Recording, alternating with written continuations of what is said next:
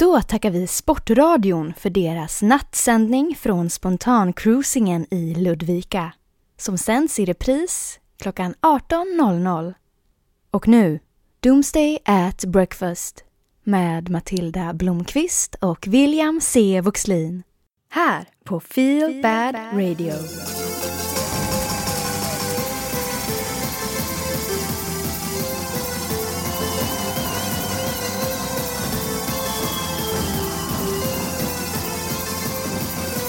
Och välkomna tillbaka till ett nytt avsnitt av Doomsday at Breakfast.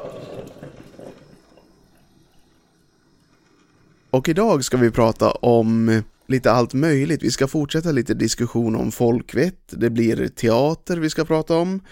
Eh, studenten, cruising och eh, vi börjar att prata lite om andlighet. Vi har ju firat Kristi himmelfärdsdag nyligen och eh, Matilda, hur har du firat Kristi himmelfärdsdag eller Kristi flygare? Kristi Min flygare. gamla mentor sa.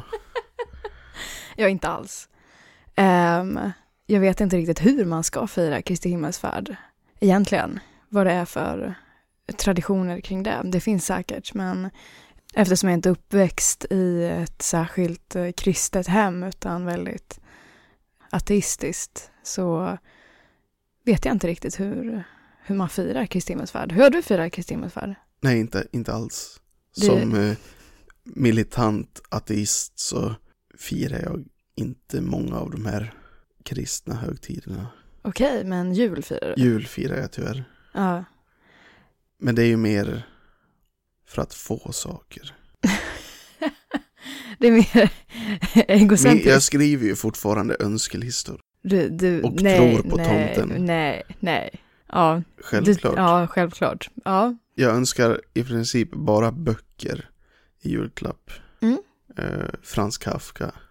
Nu har jag alla Kafka-böcker visserligen så nu kan jag inte önska det. Men förr i tiden när jag var liten då önskade jag Legoborgar och Frans Kafka-böcker. ja. Men Kristi himmelsfärd, det är ju det är lite speciellt. Det är ju en kristen, en kristen dag då man firar att eh, Jesus flög upp i himlen igen efter att han återuppstod under påsken. Det här är ju, jag har ju försökt kolla upp om det finns någon bakomliggande hednisk eh, tradition som kristendomen har tagit över, men det verkar inte vara så faktiskt, utan det är att 40 dagar efter att eh, Jesus återuppstod så åkte han upp i himlen igen. Och i eh, Nya Testamentet så står det att när han lämnade jorden så fördes han upp till himlen av elva av de elva apostlarna. Och så har de firat det här sedan 300-talet efter Kristus. Det är ju en väldigt viktig händelse i Bibeln. Och vi har ju, eller jag har ju skrivit om det. Jag, jag har ju studerat religion. Trots att jag är militant ateist så har ju jag studerat religionsvetenskap på Uppsala universitet. Och där kollade vi närmare på just återuppståndelsen. Och hur viktig den är för många kristna. Att det är en essentiell del av hela tron att han återuppstår och så nu åker hem till himlen igen. Ja, jag kollade ju upp eh, på Svenska kyrkan på deras hemsida. Och där står det ju ungefär att de vet egentligen inte vad, han, vad Jesus gjorde under de här veckorna då han, var, eh, då han återuppstod. Att det finns eh, nästan ingenting i evangelierna där det står vad han egentligen gjorde. Utan han fanns, han återuppstod, fanns på jorden i 40 dagar och sen, ja, försvann han. Det finns bara få få saker i evangelierna som ja, att han sa vissa saker till sina lärjungar. Ja, Jag så det är, undrar, lite, det är lite frågetecken kring det. jag undrar om det finns mer i de gnostiska texterna. Eh, de som refuserades att vara med i Bibeln och sånt där. Jag har lite för dålig koll på det, men jag vet att det finns ju väldigt många texter som refuserades att vara med i Bibeln. Bland annat en text om Jesus eh, uppväxt. och hur han var som barn och liknande. Men den refuserades helt. Eh, och många andra agnostiska texter. Så det kanske finns texter om vad de här gnostiska troslärarna trodde att han gjorde under den här perioden. Det är väldigt intressant att det finns väldigt lite i Bibeln om vad han gjorde från att han återuppstod till tills att han begav sig av igen. Mm. Jag kanske, jag tänkte förtydliga lite hur i alla fall jag tänker kring Bibeln som jag inte tänkte förut, för det är ju egentligen bara som en antologi. Det är ju en antologi av, och som någon har varit redaktör för, och plocka ihop massa berättelser i efterhand, långt efter att Jesus dog. Och sen är ju frågan ens om han ens har funnits, och eh, om det här allting är fiktion. Jag eh, studerade en kurs för ett antal år sedan som handlade just om den historiska Jesus. Alltså den Jesus som många tror har funnits men som inte kanske har de eh, egenskaper som Bibeln säger att han har. Och det var faktiskt väldigt intressant. Det finns många bra böcker kring det här. Vad som är troligt och inte troligt och så vidare. Jag läste också på Svenska kyrkan vad de eh, skriver om hur man kan fira Kristi himmelfärd. Och det man kan göra är att ha en gökotta. Vet du vad det är? Nej. Det är att mycket tidigt på morgonen gå ut i naturen och ha en gudstjänst ute. Väldigt tidigt på morgonen. Det är väldigt intressant. Så man inte är i kyrkan. Så står det att man kan ha det ja, eh, med en präst och vara ute på någon vacker plats och så har jag ett citat här. citat. Och efteråt blir det förstås kaffe. Punkt. Slutcitat. Slutcitat. så det här är ju hur man kan göra på Kristi himmelfärd. För det är ju... Ja, det har jag inte hört tidigare. Du har inte det? Nej, inte jag heller. Inte jag heller. Gökotta. Det är ju väldigt intressant nu i pandemitider då vi inte ska samlas många inomhus att ha en utomhusgudstjänst. Mm. För det är ju mycket så att eh, andlighet och religiositet och religion har fått sig ett uppsving känns det som nu under pandemin. Många söker sig till andlighet och kristendom eller religion överhuvudtaget. Ja, jag ser runt omkring eh, och speciellt på internet hur människor vill ha en någon sorts trygghet och eh, flera skriver att de tror att det kommer bli så ett uppsving för andlighet och, och lite new age. Och väldigt många, eller jag vet ju folk som håller på så här med astrologi och det är ju ett sätt att eh, kategorisera och ordna världen för att skapa ja, förståelse och en trygghet. Kan jag tänka mig. Men vad finns det för trygghet i det här? Jag... Nu tror ju inte jag på sånt här. Så jag har väldigt svårt att se vad du kan få för trygghet i det här. Någon skrev till och med att eh, den tror att det kommer bli ett uppsving för att tro på vättar och tomtar och troll igen.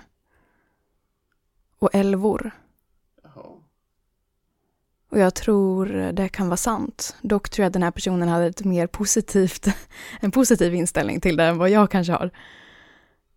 Jag tänker ju att eh, jag är ju inte religiös överhuvudtaget och har en ganska torr syn på, på världen där det är ganska så naturvetenskapligt och att eh, spöken, jag tror till exempel inte på spöken.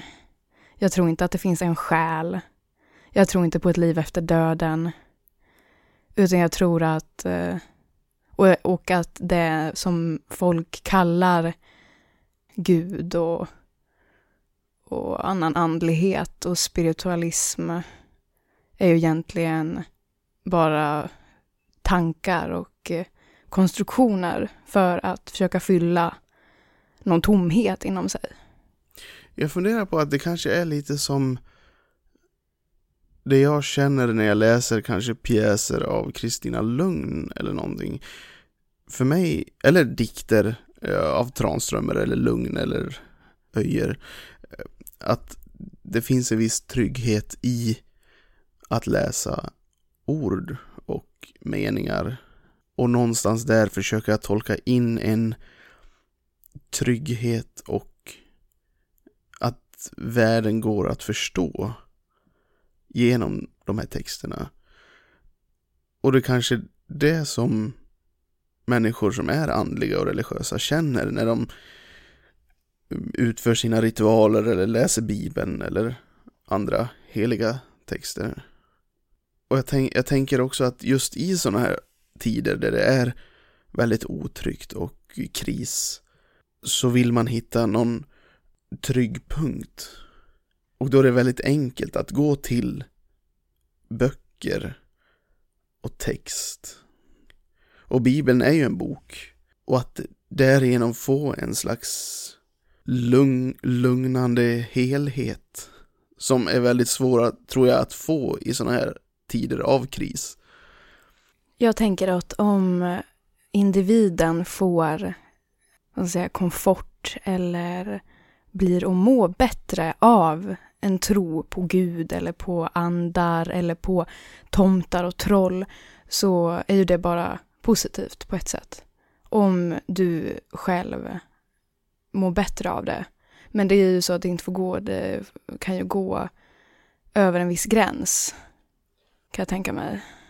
På tal om det så har jag tagit fram just en nyhetsartikel som handlar om en kristen präst i Myanmar som då har predikat till människorna där att kristna är immuna mot covid-19 och coronaviruset då.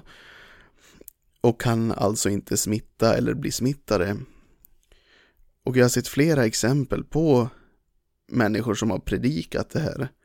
Och i USA har det också funnits präster som har predikat att eh, det hela är ett påhitt. Och så har de själva fått eh, covid-19 och någon har till och med dött av det. Hade, hade det här hänt om de inte hade varit troende? Jag tänker att eh, på ett sätt är människor, och speciellt om man är uppväxt eh, med religion, och det behöver inte vara någon av de stora världsreligionerna utan bara att man är uppväxt med ett eh, lite mer fundamentalistiskt eh, synsätt på världen och på den egna gruppen så för ju det med sig att eh, jag tror risken blir absolut större att du utsätts för sånt här och för att man vänder sig bort ifrån kunskap för att den gruppen, att den egna tron är viktigare och större än något annat. Och speciellt i kriser tror jag att det kan bli fördjupat. Det finns ju en eh, televangelist, tror jag det är, som heter Kenneth Copeland i USA, som har stått nu i, och predikat. Och han har, enligt honom, om jag förstått rätt, löst hela det här genom att blåsa Guds vind, bokstavligt talat, ur hans mun mot tv-skärmar och liknande. Och då helat folk från covid-19. Och det finns ju ett antal klipp på, på YouTube där, eh, där han är med och skriker att han har kastat domen över coronaviruset och att Gud eh, trampar ner viruset så som han trampade ner ormen i Edens lustgård och står där och skriker. Och helt tom sal också så att det blir väldigt absurt hela, hela den situationen. Samtidigt som han, han har sagt åt sina följare att han behöver ett nytt jetplan förra året eller liknande. Och det brukar ju sitta folk i publiken där som är helt i extas och skriker med honom. Det är ju som väckelsemöten. Det är ju, det här, ja. Det är väl det som kallas för, tror jag, the prosperity gospel som han predikar. det här med jetplan och liknande. Och det kan vi gå in på lite mer i ett annat avsnitt Ja. kring det här. För vi ska prata om lite annat också. Ehm, till exempel igår eller i natt. Och nu tar jag fram en nyhet här. Där, det, där polisen har gått ut och sagt att det var väldigt stökigt på flera håll i länet, men framför allt i din gamla hemstad Ludvika. Det var en spontan cruising i Ludvika där det var mycket stök, fylla, bråk, fest, oljud, sent in på natten om jag förstått det rätt. Och det var jättemånga som samlades. Det, det påminner lite grann om det här i Rättvik för någon månad sedan. Eller veckor sedan. Jag har inte sett det här än, så jag är lite förvånad. Jag vet inte riktigt vad det är som har hänt. Nej men en spontan cruising, jag tror att de har dragit ihop någonting på någon Facebook-sida. Och så har folk från alla delar av hela länet kommit in till Ludvika och det har varit eh, slagsmål, det har varit knark och droger, det har varit eh, glassplitter över gatorna. Det låter inte bra. Problemet är kanske inte att de åker runt i fordonen om vi ser till coronan, för att det tror jag är ganska skyddat att åka runt i sin bil, men, men allt runt omkring Det är ju när de går ur bilarna och börjar slåss som det... och så surfa på taken och Åh nej, åh nej. Ja. jag vet många i Ludvika som har skrivit och är väldigt arga på det här. Mm. Vad ska vi säga om det här? Vi pratade om folkvett förra gången. Och jag tycker gång på gång så ser vi att det här folkvettet inte finns riktigt. Och det har kommit rapporter nu att svenskarna börjat släppa på restriktionerna utan att Folkhälsomyndigheten sagt att det är okej. Och jag tycker att vi nästan märker, det här är väl mer anekdot, men vi märker ju att allt fler människor är ute i butiker och jag pratade med dem på biblioteket och de sa att eh, de också har märkt att det är mycket fler människor där än tidigare. Va- varför börjar vi släppa på det? Varför nu? Ha, har vi fått nog nu? Ja, Är det dags att förbjuda folk att gå ut? kanske. Jag vet inte. Jag tror människor är ju så kortsiktiga. Folk, människor har ju inget långsiktigt tänk. Människor har inget långsiktigt tänk överhuvudtaget. Det ligger inte i vår nästan biologi, utan vi vill ju bara samla mat, ja, Shoppa kläder? shoppa kläder och reproducera oss. Och sen får det vara bra. Det är ungefär så. Och jag tror inte att det går så. Men varför är det då så långa köer på Systembolaget? Ja, det är ju intressant. De har fått många fler som kommer och handlar eh, alkohol. Jag tror att människor behöver någon sorts tröst. Det här går ju Så li- antingen religion eller Systembolaget? Ja, ja. Och eftersom att eh, vi i Sverige är väldigt sekulära så blir det mycket längre köer till systemet Än till kyrkan? än till kyrkan. Ja, jag tror det är nog inte så många. Jag tror inte ens de har öppet kyrkan faktiskt, Nej. om jag ska vara helt Ja, ärlig. Så tror jag de har stängt ner och det är bra. ja, ja. Det kan ju komma många. Det har varit också en fråga det här med fotbollen, att de inte får ha matcher och sånt. Vilket jag kan tycka är lite konstigt. Varför? För, eller jag förstår hur de menar att om du har matcher och det visas på tv så samlas folk och tittar på tv. Om de har matcher och folk får komma till arenan så samlas folk på arenan. Men samtidigt fotbollsspelarna har ju fått ett yrkesförbud som är helt unikt tror jag. För inga andra har fått ett sånt här yrkesförbud. Inga butiker eller restauranger. Utan de får hålla öppet inom vissa gränser. Varför kan inte fotboll och sport få göra så också? Jag tror fotboll, eh, inte bara i Sverige utan över hela världen, har ju en sån enorm kulturell kraft. Den betyder ju nästan för människor lika mycket som religion för många. Det kanske inte går att jämföra så bra i Sverige eftersom att vi sticker ut eh, i hur sekulära vi är. Men då kanske det vägs upp med att människor är eh, fanatiska i fotboll. Jag såg ju någon dokumentär för länge sedan om eh, i Argentina så finns det någon slags Maradona-kyrka där de avgudar Diego Maradona. Wow. Men jag, jag tror att det ligger någonting i det, att man befarar att människor inte Eftersom att eh, om det spelas lite fotboll och eh, det kanske visas så kommer folk ball, balla ur. Ungdomsfotbollen och barnfotbollen har ju fått fortsätta i alla fall. Så jag funderar på, skulle inte de här hejarklackarna och sånt kunna gå på sådana matcher? Alla huliganer åker till så här P11-matcher. Står och slåss Och står där och istället. skriker på spelarna. Vad sjukt. Ja, nu, nu kommer det säkert hända. Det, ja, vi ska inte ge dem några idéer nu. För att, Nej. för att så här var det, att i något program så sa vi elda på golvet. Och så sa vi, nej gör inte det. Det var alltså ett skämt. Det måste vi vara tydliga med att det var ett skämt. Och nu, på åtta dagar, så har det varit tre viktiga meddelanden för allmänheten om brand i Borlänge. Eh, först var det Gylle skola som brann. Sen var det en avfallsanläggning. Och nu senast eh, Kärnaskolan, eller Kärnaängsskolan, som brann. Så att ni ska inte ta våra ord på allvar, tror jag. Nej, jag, det var inte jag. Så det, Alltså som jag minns det så var det faktiskt du som sa att jag menar alltså det är inte jag som har sprungit runt till de här platserna och eh, mm. och tänt på. Nej, det är inte jag. jag för mig att du även i det programmet visade en väldigt stor fascination vid eld och att bränna ner saker. Ja. Nej, nej, nej, men inte på det sättet. Det här eh, är... Ja, men jag tycker vi går vidare.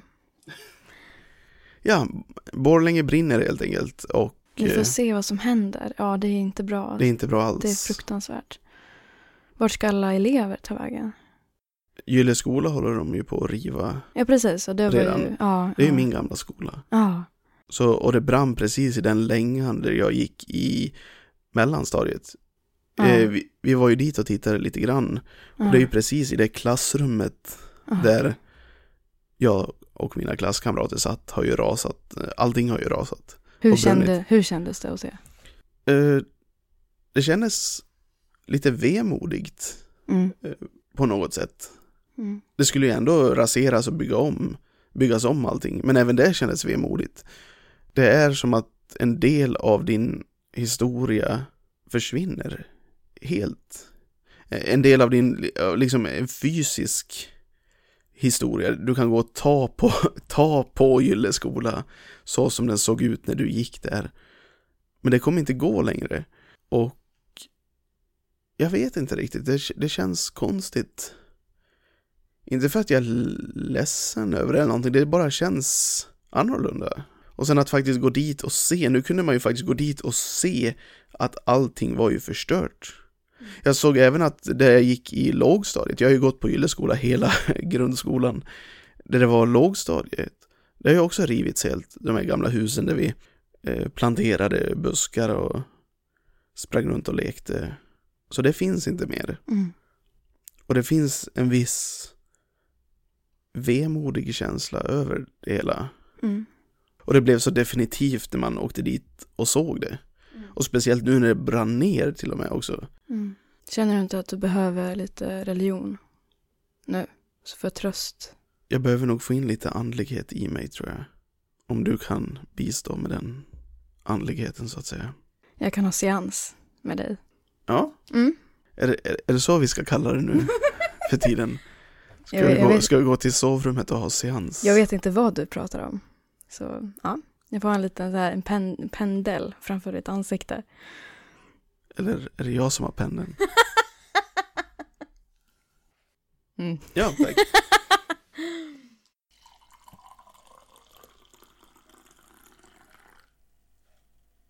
Då har vi fått med oss eh, dagens gäst in i studion och det är ingen mindre än Matilda Minim Ahl. Och du är marknadsförare och livsstilsguru som har gett ut böckerna Minim Ahl Cleaning och eh, Style Your Minim Soul som har blivit bästsäljande här under coronavåren. Välkommen! Tack!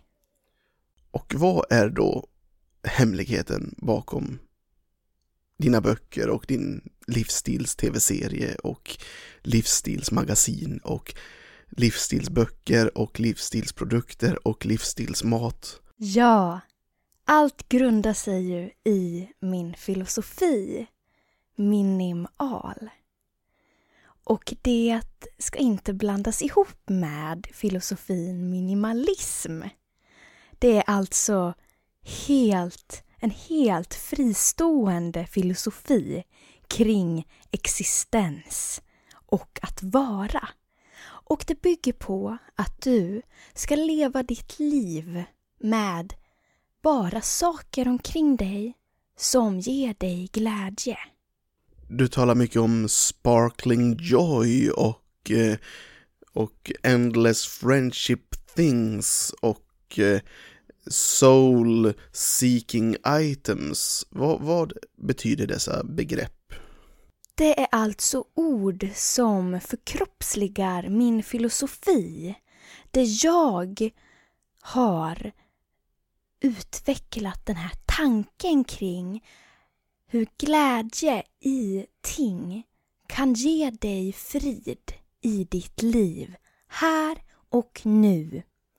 Du talar ju mycket om att eh, skära ner vår konsumtion och eh, få bort saker ur våra hem. Hur, på vilket sätt vill du att människor ska leva efter de här principerna? Jag vill upplysa människor om att alla saker vi omger oss av idag innehåller mycket negativ energi. Alla dessa massproducerade ting bidrar inte med någon egentlig lycka i våra liv utan det är mest en inplanterad tanke som vi alla bär med oss.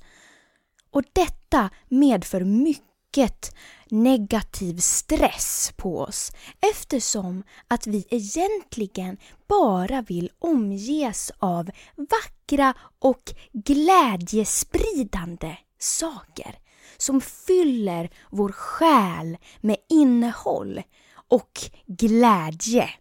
Så det vill jag att människor ska bära med sig. Att alla dessa saker som är omkring dig är värdelösa om inte du känner glädje kopplat till dessa ting. Du var ju en av de första författarna som kom ut med en bok om pandemin. Eller bok, det är mer ett slags kurspaket som heter Minimal Pandemic Course. Och eh, vad går det här ut på? Ja, alltså nu under pandemin så spenderar ju många av oss så mycket mer tid hemma. Och all denna tid kan vi genom det här kurspaketet så kan vi använda oss av vår tid genom att värdesätta våra saker runt omkring oss. Och det gör vi alltså genom att göra oss av med all negativ energi och byta ut den mot positiv energi. Du har ju fått en del kritik för det här kurspaketet för kostnaderna. Första kursen i det här programmet som du marknadsför kostar ungefär 5000 dollar. Hur hur ska en vanlig människa under en pandemi som har förlorat sitt jobb, inte kan få a-kassa eller kanske lever på existensminimum få råd med att gå den här eh, som du anser viktiga kursen? Jag har ju alltså designat den här kursen till alla människor. Det finns alltså inga begränsningar i hur långt den här kursen kan spridas. Utan det är bara en fråga om egen utan det är bara en fråga om egen kraftsansamling för att göra sig av med all denna negativa energin som vi omges av. Och jag har alltså också designat ett budgetpaket för endast 4 000 dollar, måste jag också tillägga. En annan del av den här kritiken som du har fått går ut på ja, din filosofi helt enkelt, att vi ska köpa mindre, vi ska konsumera mycket mindre och ändå så har du en väldigt stor eh, shop på din hemsida och många av de här böckerna som du har skrivit och kurspaketen går ut på att köpa dina produkter. Går inte det emot den filosofi som du förespråkar att vi ska konsumera mindre? Filosofin i grunden baseras ju på tanken om att all denna negativa energin ska bytas ut mot en positiv energi. Och jag har utvecklat alltså produkter som kan bidra med denna positiva energin till människor som vill göra detta val i sina liv, att leva ett positivt liv.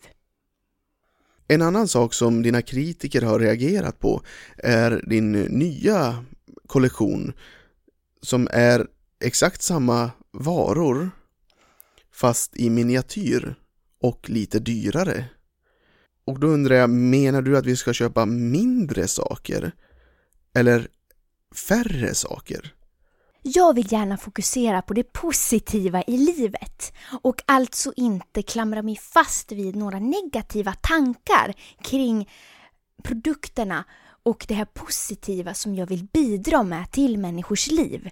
Och tanken bakom den kollektionen du pratar om är alltså att vi inte ska lägga vikt vid storlek, utan storlek är bara utan storlek är bara en konsekvens utav våra perspektiv. Och om vi bara skiftar perspektiv till ett positivt så kan vi se världen genom nya... Så kan vi se... Om vi skiftar perspektiv så kan vi alltså se världen på ett nytt sätt. Ett positivt sätt nu vill jag inte vara sån, men i de senaste två frågorna så har du haft väldigt konstiga pauser eh, när du ska svara. Är du verkligen säker på att det är det här du tror på? Din bakgrund som marknadsförare har ju tagits upp väldigt strängt i tidningarna och menar att det här bara är en, ett marknadsföringsknep från ditt håll. Till exempel den kommande kollektionen Corona Soul är då en ismaskin som inte gör is. Det är en soffa som inte går att sitta i och det är, det är en slags respirator och tre gratis coronatest. Vad säger du till dem som anser att du bara är en opportunist och utnyttjar pandemin för dina ekonomiska syften? Jag vill ju uppmuntra människor till att se det här läget vi är i nu från en positiv synvinkel. Och genom att jag tillhandahåller alla de här verktygen för att leva ett upphöjt liv, som exempelvis respiratorn och coronatesterna, som i sig själva inte fungerar, så kan fokus alltså skifta ifrån alla så kan alltså fokus skifta nu, nu. från alla dessa negativa tankar vi bär med nu. oss till ett Matilda, nytt. Eh, nu gjorde du sådär igen. En lång paus. Ursäkta?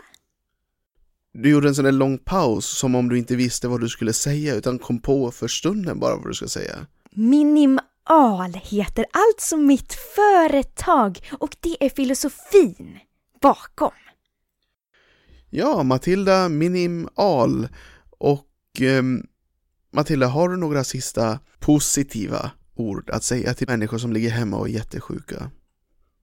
Glädje finns inom oss alla. Men ibland krävs det att vi tar fram våra plånböcker och utnyttjar den här situationen vi befinner oss i till att lägga fokus på det positiva i livet. Så gå gärna in på www.minim.al.com så kommer ni till min webbshop. Tack! Då tackar vi Matilda Minimal för den här intervjun. Tack för att du kom. Tack! Du, den här ismaskinen, min fru köpte den och den, den fungerar inte. Eh, det handlar ju om att den producerar eh, en föreställning om is. Det, det, det står ju att den är made in China och den har ingen, inga... Vart det, vart, vart det är producerat har jag alltså inte någonting med att göra. Utan jag, jag har baserat mitt företag på själva föreställningen och tanken bakom. Det, det här är ju skräp. Det är ju skräp du säljer. Nu blev du sådär tyst igen. Det går att se från olika perspektiv. Du, mikrofonen är på nu så att nu stänger jag av det. det här, Och, mm, varför, ja. varför, varför skrattar du? Nej, nej, nej. Stäng, stäng, stäng av snälla. Och välkomna tillbaka och eh, vi kommer mitt in i en diskussion kring internationellt folkvett. Och jag har plockat och jag har plockat och jag har plockat fram en artikel från Spanien där eh, där eh,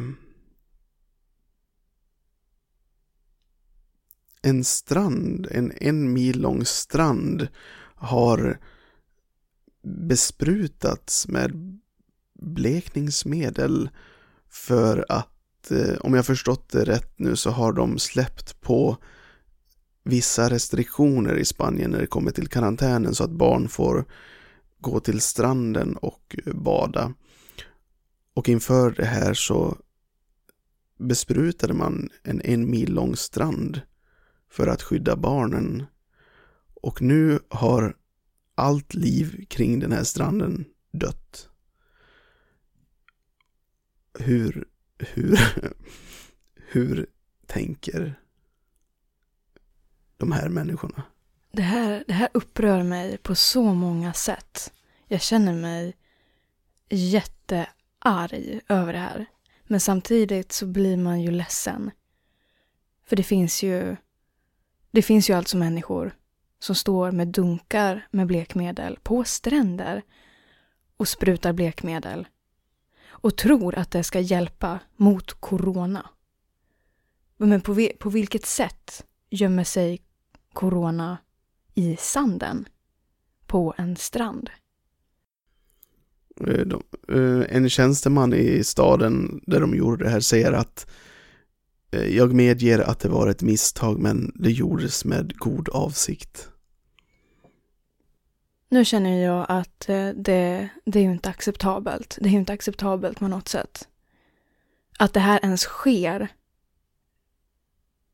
är oacceptabelt på något sätt. Jag känner sån extremt, eh, extremt stark ovilja att ens eh, tänka att det här är på riktigt. Är det här på riktigt? Tydligen så har eh, allt på marken dött. Insekter, fågelbon, växter, allt djurliv kring de här stränderna. En, en mil långa stränder. Jag blir så fruktansvärt förbannad av det här. Jag tänker, ska människor förstöra allt? Ja, men det är ju så. Människor förstör exakt allt. Det räcker inte med att vi förstör, ja, för oss själva och vad ska man säga, mördar varandra. Utan vi först och främst mördar djur. Eller dödar djur. Eller först och främst så dödar vi djur. Vi skövlar regnskogar, vi skövlar skogar. Det finns ju noll förståelse för hur naturen fungerar och vad biologisk mångfald är. Vi besprutar stränder med blekmedel. Det är helt ofattbart. Det är helt ofattbart för mig. Här beskriver det också att eh, den utbildning som jag har fått har ju gett mig kunskaper om biologisk mångfald och natur och hur det fungerar. Och jag kan ju tänka logiskt att blekmedel inte hjälper på en strand. Utan att sanera en strand eh, går, går inte på det sättet som de tänker. Men det är också för att jag har en kunskap saken är ju den om, om de här människorna inte har den kunskapen så är ju det väldigt beklagligt. Men då finns det ju en förklaring till Men- varför det här händer. Men det här är ju statliga tjänstemän som, eller jag tycker att man, att de borde ha gjort efterforskning kring hur det här fungerar. Det känns som att det har gjorts väldigt liten efterforskning kring det här. Var det så att den rådgivaren som har koll på miljö i staden, han var ledig den dagen. Eller hon var ledig den dagen. Så nu, då och då också, då blir det ju också så lätt att sånt här händer. Det finns så mycket möjligheter att det blir fel. Finns det, finns det här ens möjlighet, finns möjligheten att det här händer så måste ju någonting förändras. Det här är ju helt fruktansvärt. Jag tänker, men de, vad då sprayar de blekmedel på andra ställen i Spanien? Eh, Jag läser att eh, det används till att eh, göra rent asfalt i städer också tror jag. Ja, det blir ju bara bättre alltså. Det blir bara bättre. Ehm, ja, det kan jag ju säga att blekmedel ska inte alls användas på något sätt att sanera någonting utomhus i någon större eh, kvantitet. Det här är ju helt obegripligt för mig. Har man inte någon tanke på att det här blekmedlet rinner ner i vattnet? Och vattnet åker ut i havet? Och djuren, eller fiskarna vi äter, eh, bor i havet och får i sig det här blekmedlet. Djuren som dricker vattnet på land får i sig det här blekmedlet. Det finns sån, sån enorm okunskap. Och det är ju inte de här människornas fel att de har den här okunskapen. Utan det här är ju kunskaper som är så basala på ett sätt. Att det här måste ju människor få veta. Dock tror jag ju samtidigt att det finns folk som har den här kunskapen men som inte bryr sig. Men har det inte kommit rapporter om människor som har druckit blekmedel i rädsla för, för corona och covid-19? Det är väl livsfarligt? Ja, absolut livsfarligt. Det är ju om du vill ta ditt liv så kan du dricka blekmedel. Det finns en sketch som Killinggänget gjorde en gång i tiden där Robert Gustafsson dricker klorin. Inte på riktigt. Inte på riktigt, det är en, det är en sketch. Ehm, men det blir som att eh, life imitates art och eh, art imitates life. Då, på 90-talet, var det ett skämt. Nu gör folk det. Ja. Och på något sätt så tänker jag att eh, det var ju Donald Trump som gick ut och slängde ur sig en öppen fråga om det skulle gå att desinficera sina lungor. Vi har ju utfört det här testet och det går inte. Jag har alltså fått operera ut mina lungor. Jag har konstgjorda lungor just nu alltså. Ja, du ser öppna frågor. Ja, det, det blir alltså inte så öppet när USAs president står och bara slänger ur sig saker, utan folk lyssnar. Och tyvärr så finns det folk som inte förstår att eh, man kan inte lyssna på allting och tro på allting. Det är ju intressant att vi hade en diskussion kring öppna frågor nyss, då vi var så mycket för öppna frågor och nu när Donald Trump ställer sådana här öppna frågor, då reagerar vi på ett annat sätt. Mycket bra poäng, mycket bra poäng. För tyvärr finns det här bevis på att det skadar människor. Men då blir man ju också tänka, och nu är jag, nu är jag, nu är jag hård. Om människor dricker blekmedel, får de inte skylla sig själva då? Det kanske är lite hårt. Då kanske inte vi behöver Mm. dem. Ja, de kan få sin Darwin Award och sen Ja, är det precis. bra. De har, de har de har liksom strukit sig själva från deltagarlistan. Avslutningsvis tänker jag att även om man inte bryr sig om djur eller växter på den här stranden, vilket man kanske inte gör, så känns det ju ändå som att man ändå bryr sig om de här barnen. Och att barnen ändå ska få gå till stranden. Alltså bryr du dig om de här barnen, men ändå så sprayar du deras strand med blekmedel. Men han sa ju att det var, de hade goda avsikter. Då tänker jag, hur mycket ont i världen har inte gjorts med goda avsikter? Exakt. Det är mycket, mycket, mycket, eh, mycket som har gjorts med, för jag tror att människor gör ju ofta grejer med goda avsikter. Jag tror det är väldigt, väldigt få som gör någonting med onda avsikter. Och historiskt sett så tror jag att väldigt mycket hemska handlingar har ju begåtts med en god intention. Men det gör inte de här handlingarna rätt.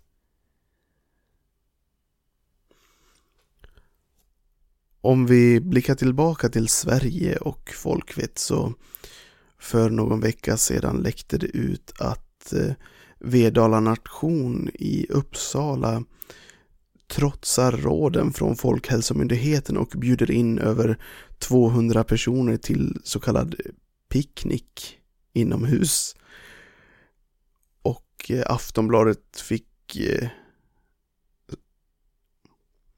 och Aftonbladet gick ut med det här i tidningen och det blev ett ordentligt ramaskri. Hur tänker Vedala nation? Hur tänker Vedala nation kring det här? Det är alltså studenter som studerar på universitet. Uppsala universitet, ja. Wow. Är från ett etiskt dilemma till ett annat etiskt dilemma. Det här är alltså studenter som studerar på universitet och högskola som vill ha en picknick. Inte utomhus, utan inomhus. Det är ju nästan ännu värre. Och så kommer... Och så samlar de 200 personer har de tänkt. De har bjudit in 200 personer. De har bjudit in aktivt 200 personer. Ja. Det är ju vansinne. Och, och, men de försvarar sig och säger att eh, de kommer inte tillåta att så många får komma in och det är upp till oss att genomföra detta på ett sätt som inte strider mot rekommendationer som finns. Samtidigt så har Aftonbladets reporter Magnus Jansson Klarin eh, tagit fram ett svar som de har gett till de inbjudna eh, där deras handlingar ifrågasätts. Och svaret var att eh, den här inomhuspicknicken inte omfattas av regeringens förbud. Och svaret och, och han frågar då hur tänker ni här? Och eh, den här eh, förespråk eller och den här representanten från Vedala nation säger att eh, om du vill ställa fler frågor får du gärna mejla dem i så fall. Eh, ingen kommentar alltså. Ryggrad. Vad intressant. Det här och vad tänkte jag säga? Det här är ju, det här säger de ju hela tiden och det här tror jag inte fungerar. De säger på presskonferensen att enskilda grupper och myndigheter och organisationer och allt möjligt får bära ett eget ansvar. Och vi i Folkhälsomyndigheten kan inte uttala oss. Utan det ligger på de här enskilda grupperna av människor att utföra det de gör på ett ansvarsfullt sätt. Och här fungerar ju absolut inte det, bevisligen. Här har vi ett bevis. Jag tror det finns väldigt många exempel på att Folkhälsomyndigheten ger direktivet att det är upp till de här personerna att genomföra det de behöver genomföra på ett ansvarsfullt sätt och att det sättet följer rekommendationerna som ges. Men människor kan inte det. Bevisligen klarar inte människor av det här. De får ansvaret att inte ha en picknick med 200 personer. Vad gör de? Jo, de vill ha och planerar för en picknick med 200 personer. Och så ifrågasätts det. Och svaret är att vi kommer genomföra det på ett ansvarsfullt sätt. Men vad är det här ansvarsfulla sättet egentligen? Det finns ju inte. Själva tanken att arrangera en sån här picknick överhuvudtaget under en pågående pandemi tycker jag visar på en viss ansvarslöshet. Ja. Det är ju jätteintressant. Vi lägger ansvar på människor. Och av olika anledningar tror jag att eh, människor i eh, generellt absolut inte klarar av det här ansvaret. Nu har ju Vedala nation gått ut och sagt att det är inställt. Bra, bra val. Mycket bra. Annars hade det nog kunnat blivit eh, anmält och eh, någon hade nog hamnat, hamnat i, i rätten, tror jag. Mm. Det var ju då ett för valborgs eller första maj-firande de skulle ha. Eh, och första maj blev ju väldigt speciellt i år. Eh, inga demonstrationståg på gator och torg, utan... Ja, det blev på datorn. Det blev mycket digitalt. Ja. Jag vet att eh, Jonas Sjöstedt till exempel höll ett tal i World of Warcraft och eh, att det hölls en demonstration av, jag tror det var Vänsterpartiet i Umeå på World of Warcraft.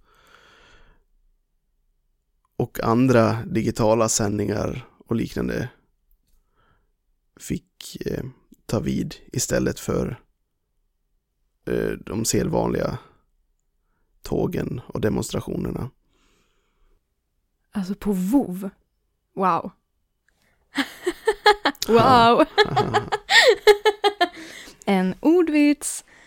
Nej men jag tänker att det, det tycker jag är, det är bra att eh, även politiska partiledare anpassar sig efter situationen och främst anpassar sig efter att det finns människor som spelar WoW. det finns väldigt många som spelar WoW. Fortfarande. Fortfarande. Och många som spelar tv-spel. Som... Men sen kommer vi till det här stora, stora diskussionsämnet för studenterna. Och jag har men så kommer vi till den stora folkvetsfrågan studenten 2020. Och jag har letat fram en artikel från Aftonbladet av eh, Matilda Aprea Malmqvist. Rubriken lyder Sofias vädjan till Tegnell. Snälla, ta inte studenten från oss.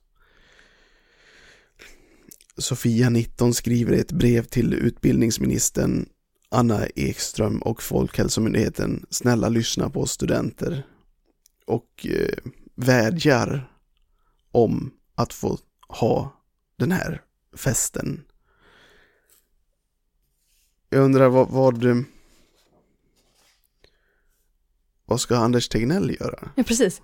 Ja, själva personen, alltså Anders Tegnell, ensam bestämmer ju ingenting. Han är väl endast eh, statsepidemiolog och talesperson för eh, ja, Folkhälsomyndigheten just nu. Och att tro att han ensam som en diktator kan beställa eller bestämma om eller att, eh, att studenter har tanken att Anders Tegnell ensam som en diktator bestämmer över deras studentfirande och hur det blir. Det stämmer ju inte. Utan det är ju en grupp människor som är experter på området som har gett rekommendationer. Eftersom att det är pandemi. Och eh, den här 19-åriga Sofia skriver så här, eller säger så här. Och den här 19-åriga Sofia säger så här till Aftonbladet. De säger att vi är vuxna och ska ta ansvar, men de vill inte lyssna på oss som vuxna. Hade de gjort det så hade de förstått hur stor grej det är för oss, för oss, istället för att bara ställa in allting.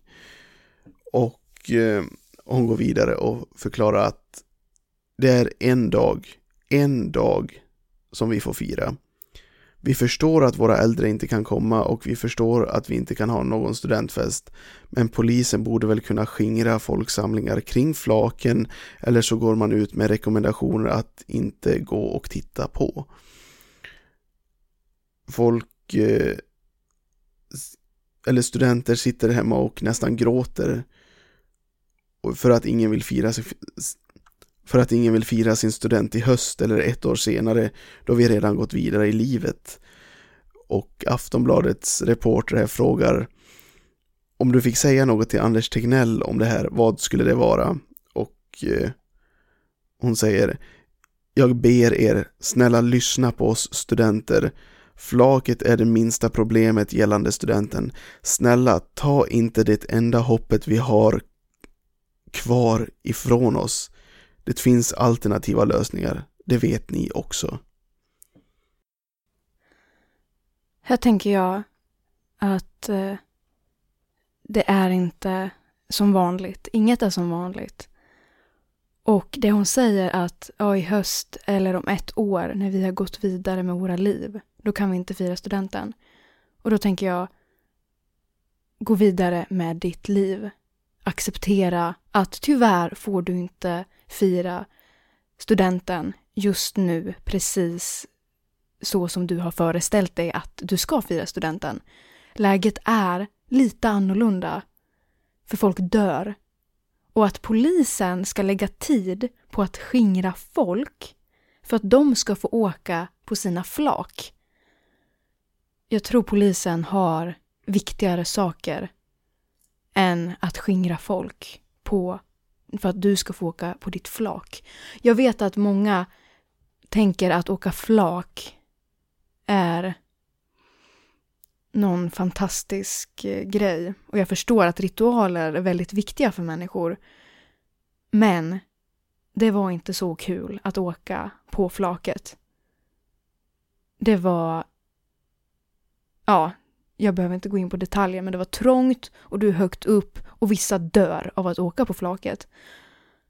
Så jag tycker att du som tänker så här som student, för jag har sett väldigt många som har delat sådana här saker på sociala medier om hur synd det är om dem för att de inte ska få fira studenten.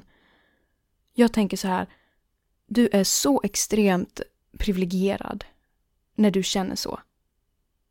Försök ha en tanke på människor som inte lever så som du gör. Om det här är ditt största problem så behöver du nog tänka lite på vad du har för värderingar. Det jag tänker på är, menar den här personen på allvar att mina skattepengar ska gå till att polisen ska bevaka deras fest och skingra folk från varandra i ett sånt här pressat läge. Vi lever ju under en pandemi. Har inte polisen viktigare åtaganden än deras student att ta hand om och jag som skattebetalare ska, ska stå för det här? Det, förstår hon vad det innebär det, det hon förespråkar, eller? Nej, jag tror inte det. Eller om hon gör det, då, då är det ju riktigt illa. Jag tänker att, eh, men själva grejen... men själva grejen, om det skulle vara så, vi föreställer oss att de skulle få fira studenten och åka på flak och allt möjligt. Skulle, vara, skulle det vara så kul, skulle det vara så kul att åka på ett flak du är helt omringad av poliser. Det är ingen ute. Alltså det är tomt på gatorna. Ingen stannar för att vinka till er. Och ingen ser upp till er när ni står på flaket. Är det så kul att hoppa runt där och skrika och vifta med eh, champagne och flaggor och studentmössor Tror de att det kommer bli som vanligt, att det kommer vara roligt? Jag tror att det här behöver ju människor tänka över. För Jag kan föreställa mig att själva den roliga saken är ju, när du åker på flaket, det är ju att det är massa folk, folk har det roligt. Det är karnevalstämning. Det är karnevalstämningen, precis. Och det är på något sätt en symbol. Du gör den här resan från ungdomen, från barndomen. Åker du på det här flaket och så, här, och så tar du liksom farväl av den här tiden som har varit på något sätt.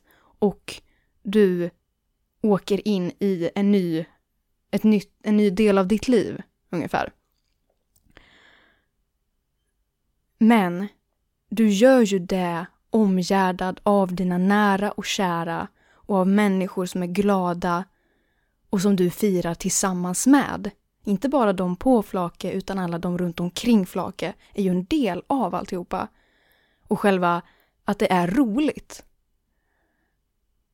Men tror du att det blir kul under pandemi? Det kommer inte vara någon ute.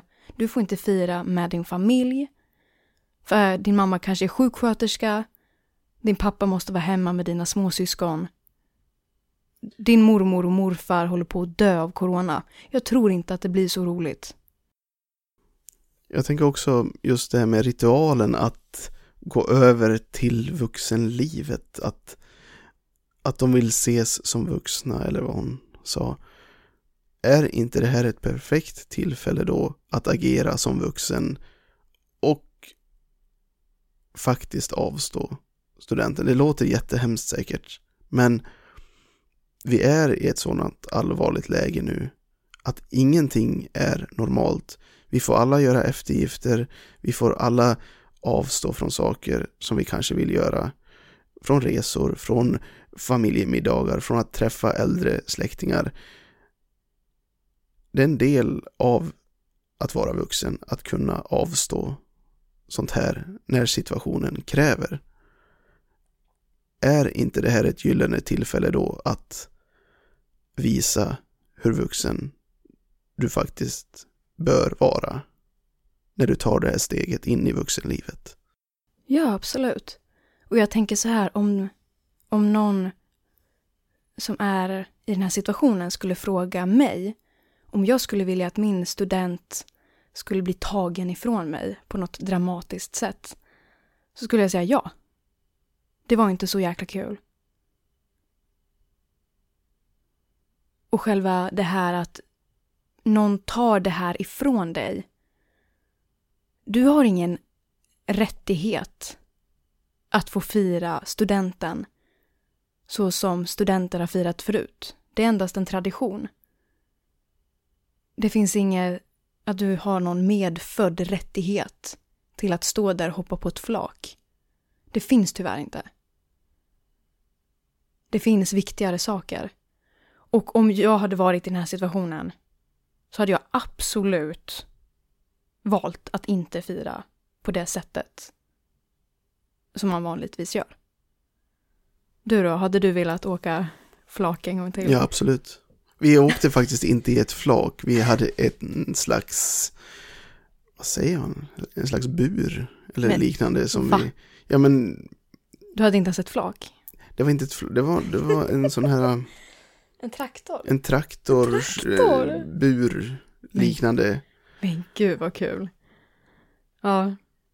Ja, men jag kunde lika gärna avstått. Det, det är så, du hade kunnat offrat din student ja, jag hoppas det. Nu är jag så gammal så jag minns inte längre eh, vad jag tänkte. Den unga William hade... Jag hade druckit så mycket. Du hade också skrivit i Aftonbladet. Oh, om du hade varit. Oh, ja. Ställ inte in studenten, gör den två gånger om året istället.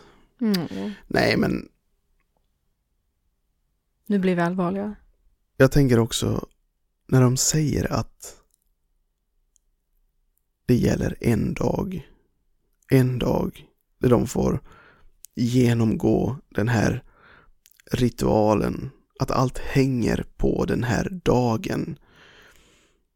Hur skör är inte då själva utvecklingen från barn till vuxen? i vårt samhälle.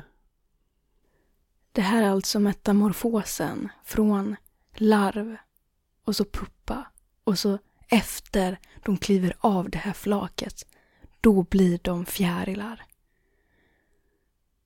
Är det så de tänker? Det kan vara så. Då får de flyga iväg och bli fria. Oh shit. Ja, det är kört. Det är kört. Jag tänker, gud vad, vad, vad irrationella och känslostyrda människor är. Det handlar bara om egot. Mm. Människor är så egocentriska. Ja, det är kört. Det är helt kört. Ja. Ja. Då firar vi. Ja, ska vi ta fram champagnen? Vi har våra gamla studentmössor här någonstans. Ja, vi, ja. Så kan vi väl ta på det och så får vi väl åka, åka någon runda och ställa oss bland epatraktorerna borta. Ja. där. ja. Jag får sätta mig på taket på en bil och skrika lite. Då löser sig allting. För vi har tagit studenten, för vi, har tagit studenten. För hur många år sedan var det jag tog studenten? Jag tog studenten Det var, det var 2000. över 10-12 år sedan. Ja, ja. För jag har tagit studenten för 12 år sedan. Bra. Du är duktig på att sjunga. Ja, jag var ju med i Idol en gång i tiden. Nej, det var det inte. Har du varit med i Idol? Ja, jag var han den här eh, Darin. Har du inte hört talas om han? Jo. Willi- William Darin. Nej. Ja, fast, fast hur gammal var du när Idol sändes första gången? När var det? 2007, 2006? Nej, det var 2004. Ja, 2004 kanske. Jag var sex år då. Ja, Ja, så men du minns inte att jag har varit med? Nu ska inte du försöka rida på Darins framgångsvåg här. Jag har precis börjat sjunga på svenska. Okej. Jag är såld. William Darin. Vi får, vi får lyssna på lite Darin nu. Fast Ja. det får vi ju inte sända. Men vi får lyssna på det så här imaginärt. Ja, men lyssna på Darin och... Darin? Darin? Darin? Darin? Nej, jag, eller jag, jag säger Darin. Darin. Väldigt intressant kuriosa. Vi får lyssna på... um, Vad heter den bra låten? Jag tycker hans Så mycket bättre cover av Astrologen Nej, nej. Nobody, Nobody knows. knows. Ja! Vi får ta och eh, lyssna på Nobody Knows och sjunga med och ja. öppna champagneflaskan Ja. och vifta med studentmössorna. Den blev ju en jättehit i Kina. Han har ju uppträtt i Kina med sina låtar. Och Nobody knows. Så cirkeln är sluten. Cirkeln Corona, är sluten. corona, Darin, Nobody knows.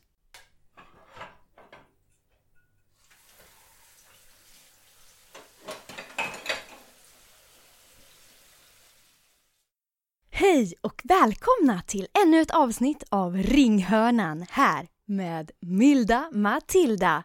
Ja, dagens avsnitt ska ju alltså handla om Kristi himmelsfärd. Eller Kristi flygare som man också kan säga. Vi ska alltså öppna slussarna för att få in lite pratglada människor till dagens program. Och nu, nu ringer det, nu ringer det alltså. Ja, hallå, vem talar jag med? Jo, Ja, hej, vem är det jag pratar med? jo, Jo, hej Jo! jo, jo, Hur är det? jo men det är väl bra. Ja, vad har du på hjärtat? Vadå? Har du något att säga om Kristi himmelsfärd? Kristi himmelfärd. Jag, jag var på cruising igår. Det var allt. Var du på cruising igår? Var Det var då? min himmelsfärd. Var du på cruising? Vart var du på cruising? Jag vet, Du vet inte. Vad vill du tillägga? jo. Ja. Tack Jo! Tack så mycket för det bidraget till dagens program. Ja, har vi, ja, vi har fått bort honom. Ja, vad bra! Då fortsätter vi. Slussarna är alltså öppna. Det är bara att ringa in. Ja, hallå, hallå, vem talar jag med? Hallå? Ja, hallå. Hej! Vad heter du? Jag heter Jörgen. Hej Jörgen! Tjena, tjena. Vad har du att tala om? Eh, vadå tala om? Vad, vad, vad var ämnet nu då? Ja, Kristi Kristi himmelsfärd! wow. ja, vad ska vi säga om det egentligen? Ja. är det live det här eller? Ja, det är det. Ja, det är live här.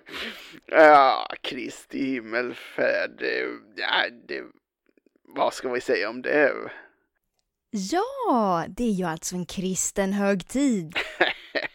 jo, Ja, har du gjort något speciellt i denna Kristi himmelsfärd?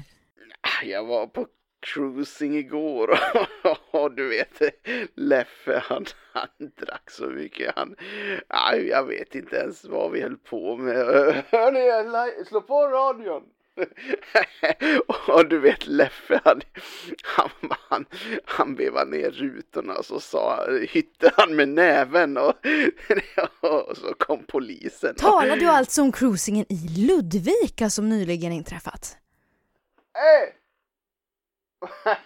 Var var det vi var någonstans? Var det... Ja, det var ju i Ludvika var det. Det var i Ludvika. Ja, du sk- var du där? Nej, det Nej, var jag då hade inte. jag nog känt igen dig ser du. Ja, ja.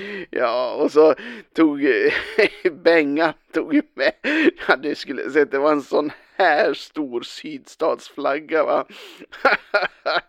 och så vevade vi runt den va och hytte med näven va. Ja, det kan jag tro. Ja, du. Ja, det var väl så. Ja, vi tänkte inte så mycket på Kristi himmelfärdsdag faktiskt. Ja, har, har du något mer att säga? Jag har inga vänner. Nej, men vad, vad, vad, vad säger du? Jag bara hittar på. Du bara hittar på. Du pratar alltså inte med någon i någon annan här? Nej. Oj. Vill, vill, du, em, vill du säga någonting mer? Varför vill ingen vara med mig? Jag är rolig. Jag är hipp. Ja, du är jätterolig och jättehipp så jag förstår inte varför ingen vill vara med dig. Jag har till och med en fedora som jag brukar ha. Ja, en sån där hatt alltså? Ja, Ja, ja då förstår jag verkligen inte. så sån här skepparkrans. Men, men, men Jörgen, har du... Jag heter inte ens Jörgen. Vad, vad heter du då? Jag heter Bodil. Bodil. Har du ett husdjur, Bodil? Nej, den dog igår. Nej, dog ditt husdjur igår? Vad var det för husdjur? Nej, jag har aldrig haft ett husdjur. Jag förstår, Bodil. Jag kan inte sluta ljuga. Jag förstår, Bodil. Det här måste vara väldigt svårt för dig. Men det, jag uppskattar att du har tagit mod till dig och ringt till oss ändå. Jag har inte ringt er. Det var ni som ringde upp mig. Bodil, jag uppmuntrar dig till att ringa till psyket. Det är inte farligt. Att erkänna för sig själv att man mår dåligt. Ja, min producent i örat säger alltså att vi ska gå vidare. Hej då, Bodil. Ja, nu är vi tillbaka. Ja, ja, kan vi få en, en student på linjen? Ja. Ja, vi har alltså en ung människa här på linjen. Ja, ja, hallå, hallå. Tjenare! Hej, vem pratar jag med? Jag är festtjejen. Ja, du är alltså festtjejen! Vad betyder det? Jag vet inte riktigt, men jag är så... Jag vet inte. Ja, men jag antar att kanske att du är sugen på att festa? Nej, Du är inte det? nej, men jag måste. Jaha! Men vad tycker du är kul med att festa? Jag vet inte vad jag ska göra annars. Jag, jag, jag, jag försökte intressera mig för hästar, men jag var så dålig och jag, jag, på hästar och jag försökte verkligen att intressera mig för bilar och jag gick till och med på den här cruisingen igår och, men jag, jag, jag förstod inte hur man skulle göra. Så jag, jag kom på att jag kan festa. Men det är starkt, Bodil. Det är starkt, Bodil, att kunna acceptera det man är bra på och inte så bra på. Vet du? Det är så faktiskt att har du någonting om Kristi himmelsfärd att säga? jag är så dålig på sånt här med högtider. Vad, vad, vad är det för någonting? Ja, Kristi himmelsfärd är alltså en kristen högtid. Det är alltså en dag, 40 dagar efter att Jesus återuppstod. Ja, det, det är religion alltså. Jag, jag, var så dålig på det i skolan. Jag, jag, jag svarar jag på fråga ett. Ja, går du på en friskola, Louise? Jag, jag, jag är så dålig på det med skolor. så att jag, jag, ja, jag svarar ja på fråga två blir det. Ja, vi tackar Louise. Ja, är det nu man säger tack eller jag är så dålig på att säga hejdå. Ja, men ja, ja, det är nu, nu.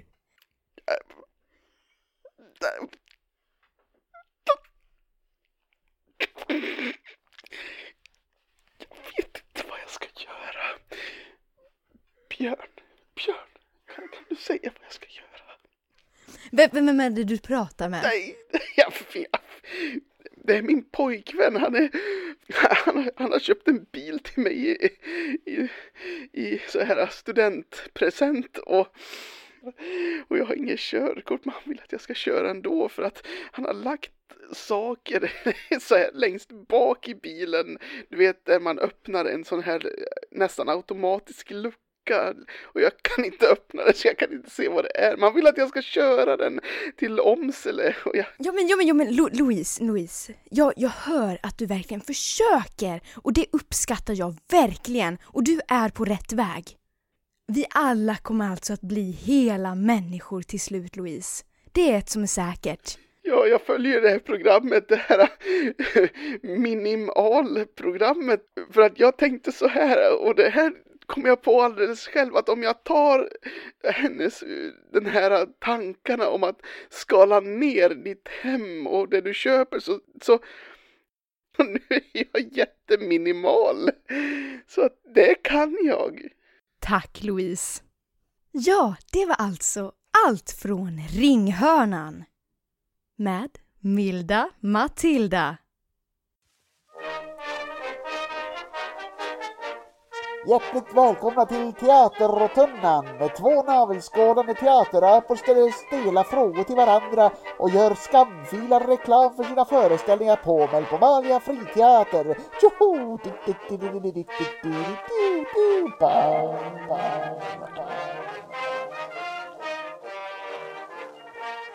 Ja, William. Du har ju alltså skrivit kortpjäsen Att väcka allt inom mig som nu har premiär som hörspel med Melpomalia friteater. Och du och jag spelar de två rollerna. Hur kom du på idén till pjäsen? Det började med att jag skulle skriva en dramatisk text till eh, en antologi 2016 som kom ut då.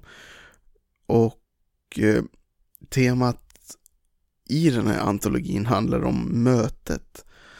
Så jag tänkte att jag skulle skriva en kort pjäs om mötet mellan människa och teknik. Så den handlar om en dator med mycket avancerad artificiell intelligens som vaknar till liv efter ett väldigt, väldigt långt stör strömavbrott som har varat i flera år. Och då vaknar den här datorn upp och ingenting är som det var innan strömavbrottet. Och eh, datorn börjar resonera med sig själv kring hur det är att existera och finnas till.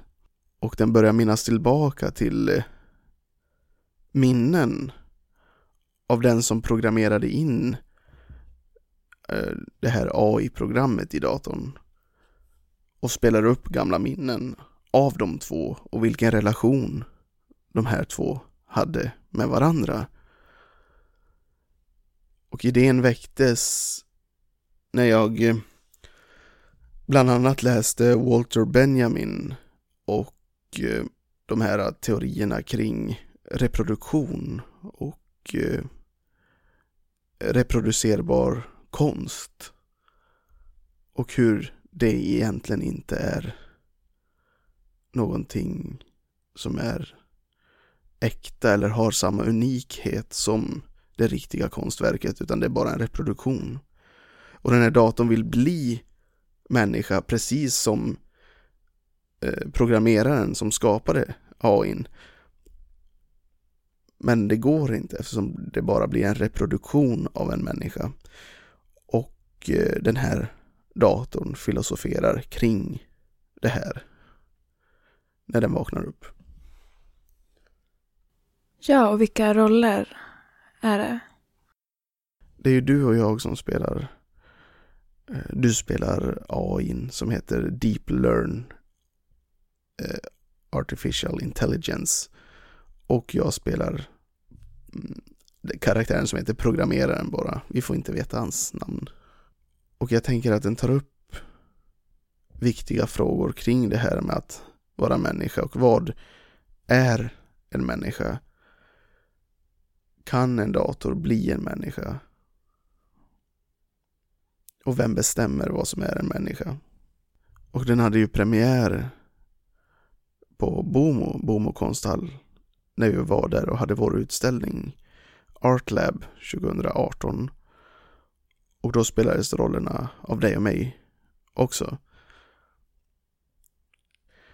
Och jag har ju då lagt till en del saker som inte kom med i versionen som fanns med i antologin från början eftersom eh, det fanns en del utrymmesspecifikationer och begränsningar där som jag inte nu behöver förhålla mig till utan nu är det den kompletta versionen av pjäsen att väcka allt inom mig. Ja, så då får vi kasta över lyssnarna till Melpomalia friteater som finns på Spotify och iTunes. Ja, för det här vill ni inte missa. Men då ska vi ta och avsluta programmet med några visdomsord från dig Matilda som du har skrivit. Ja, då tackar vi för det. Tack och hoppas... eh, Tack. Och då ses vi nästa gång. Här på Doomsday at Breakfast. Det här måste vi ta om. Nej, vi kör på det här. Det blir bra. Ja, tack. Tack. Tack. Tack, tack.